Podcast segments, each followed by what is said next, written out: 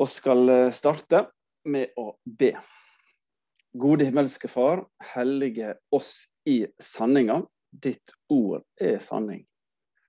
Ber Herre om at du åpner bibelteksten for oss, så vi kan få se deg og møte deg.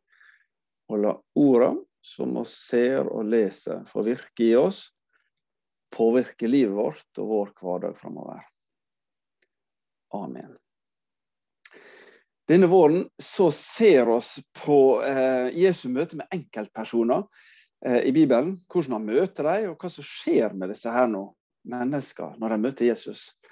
Eh, Jesus er helt nydelig, syns jeg, eh, i disse møtene. Forbilledlig. Eh, og noe av det vi ser, det er en veldig stor variasjon i hvordan han møter folk. Han treffer enkeltmennesker. Han tar ikke å møte alle på samme måte. Han sier ikke det samme til folk. Han gjør ting litt forskjellig fordi han møter dem der de er. Og så er det et herlig utvalg av mennesker han møter sånn én til én. Eh, og I dag skal vi få lese om et enestående møte. Bokstavelig talt enestående. Rett etter at Jesus har stått opp. Eh, Jesus møter en kvinne som heter Maria Magdalena. Og Dette var en kvinne som Jesus, som Jesus kjente fra før av.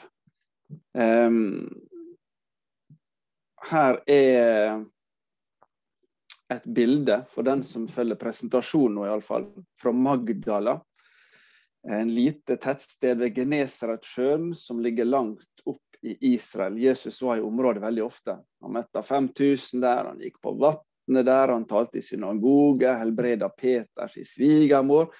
Og så plukka han ut fiskere til å være disipler. Derfor kalte han det også menneskefiskere. Eh, når Jesus hadde samla disse her nå, disiplene sine, så står det at det var mange som fulgte med. Var ikke, de var ikke alene, disse her nå, Jesus og disse tolv. Jesus begynte å vandre rundt, eh, sånn som det står i teksten. Eh, tida som kom, Jesus dro rundt, forkynte i byer og landsbyer. Bar fram det gode budskapet om Guds rike. De tolv var med han. Og så, men så står det videre noen kvinner som hadde vært lekte av vonde ånder og sykdommer, også der nå.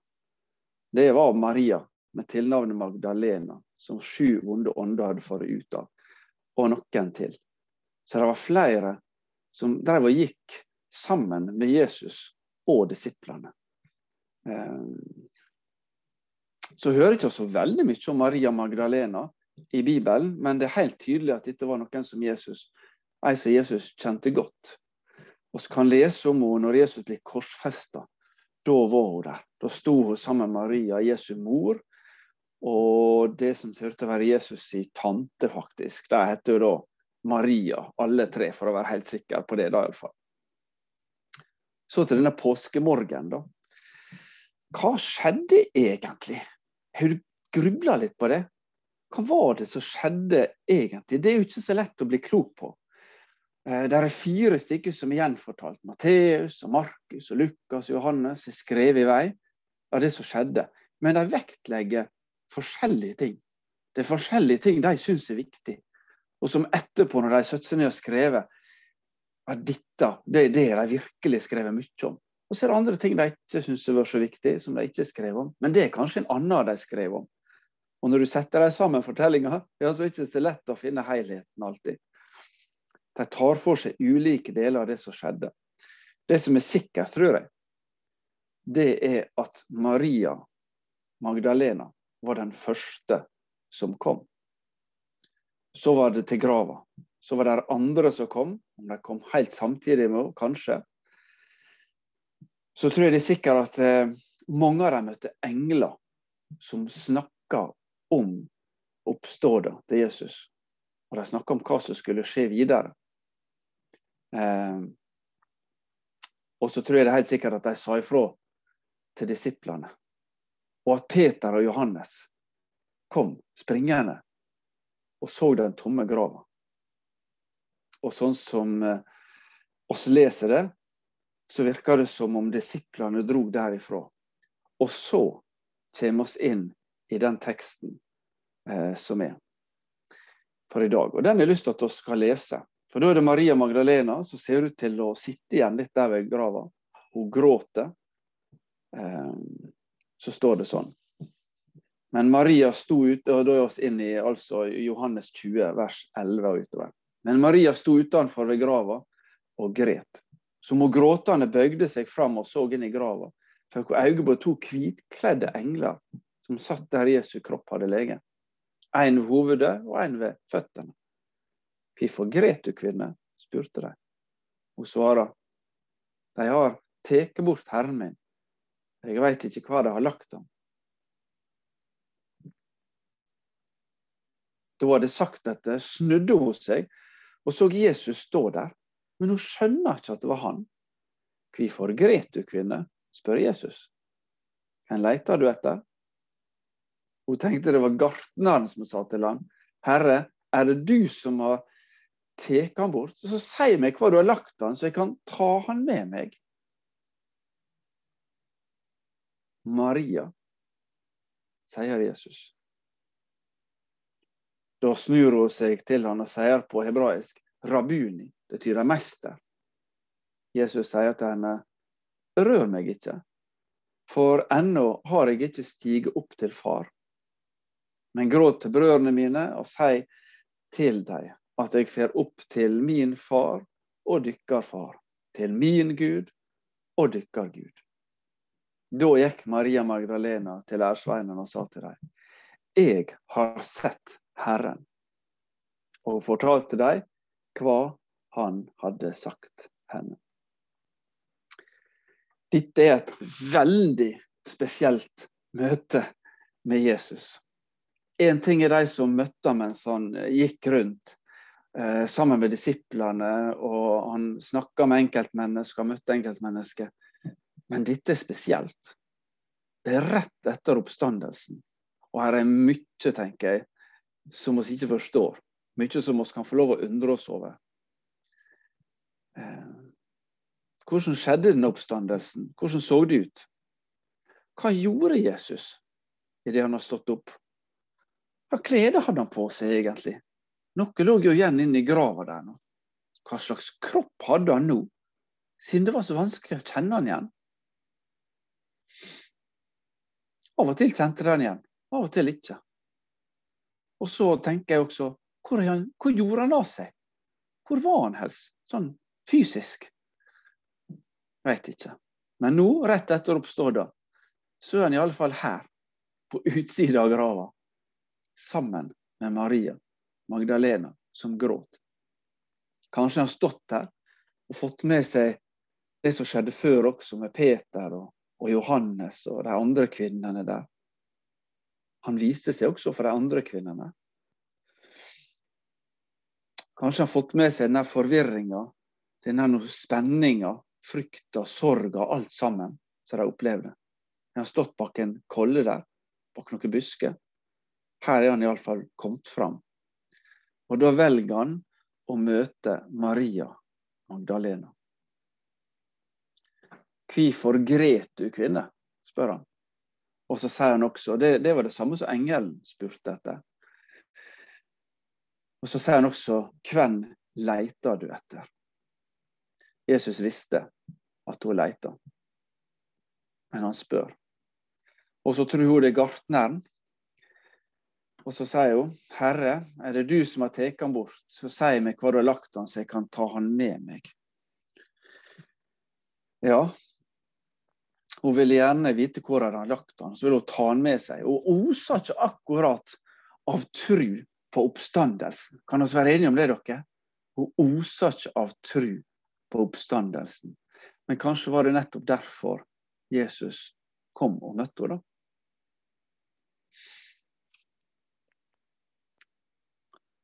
Maria, sier Jesus.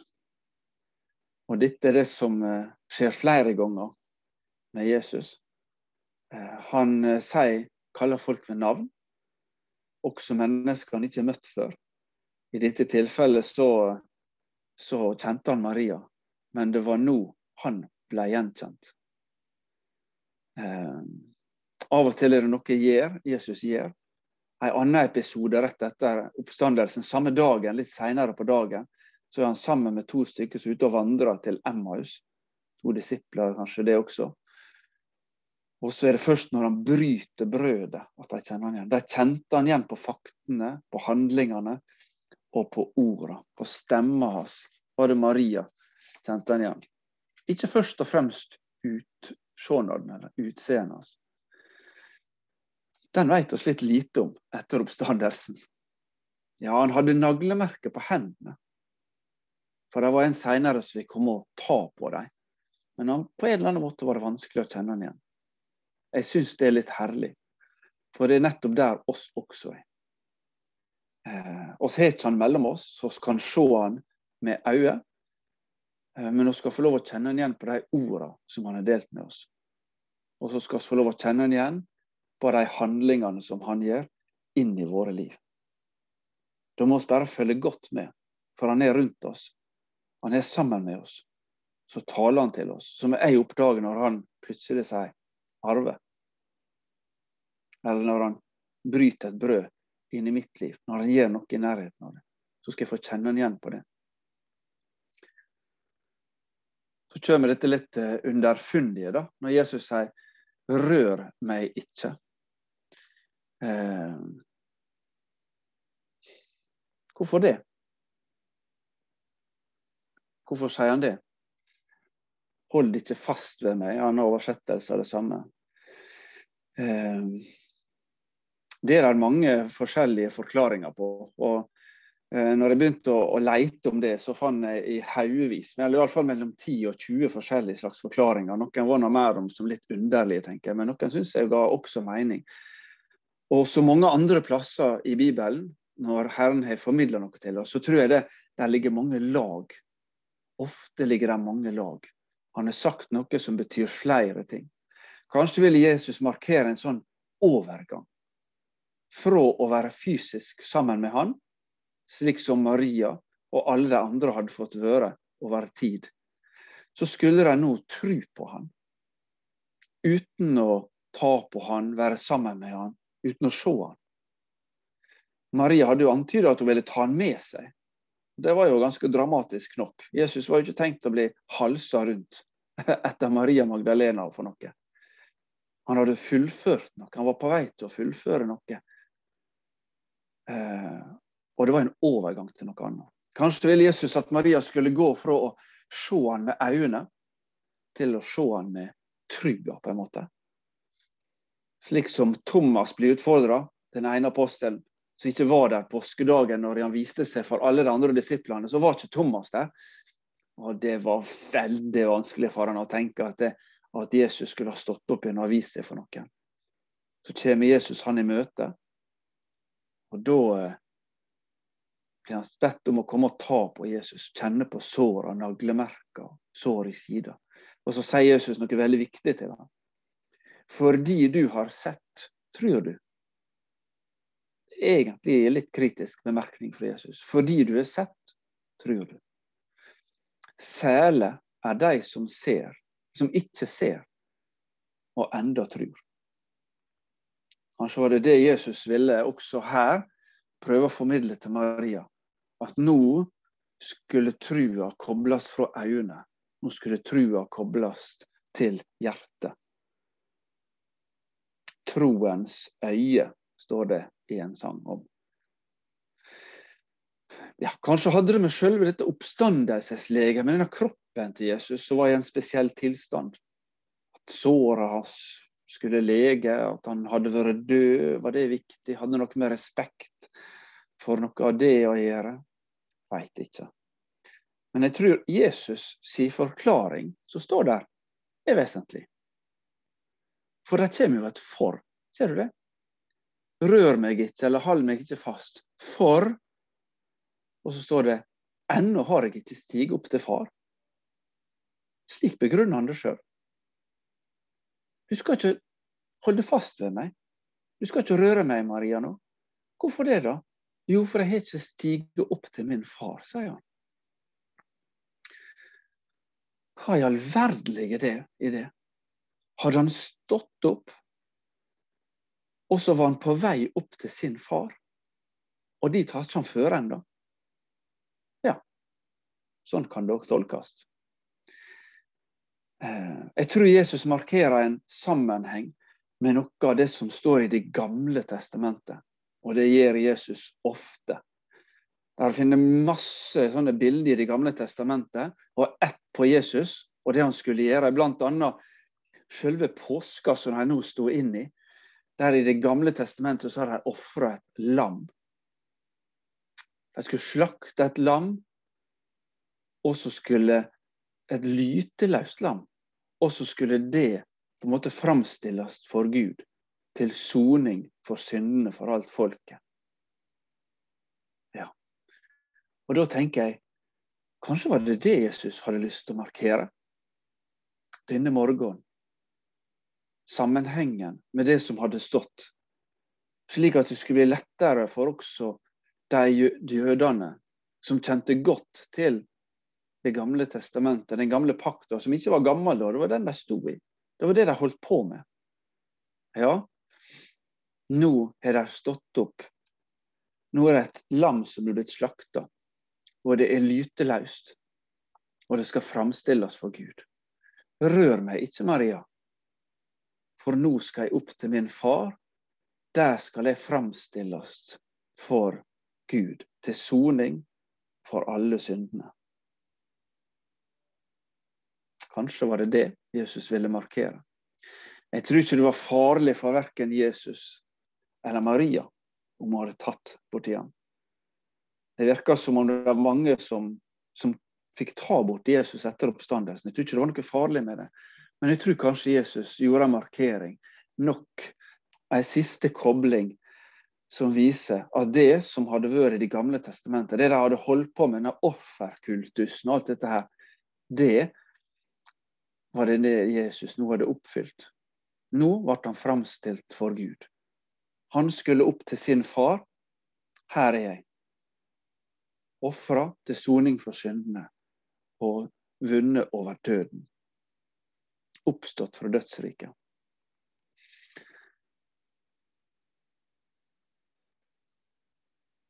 Så til slutt får bare Maria beskjed da, om å fortelle disiplene nettopp dette her. At Jesus skulle opp til sin far. Og eh, også tidligere snakka om kvinner ved brønnen som sprang tilbake til byen etter å ha møtt Jesus. Her var en som hadde fortalt meg alt jeg har gjort.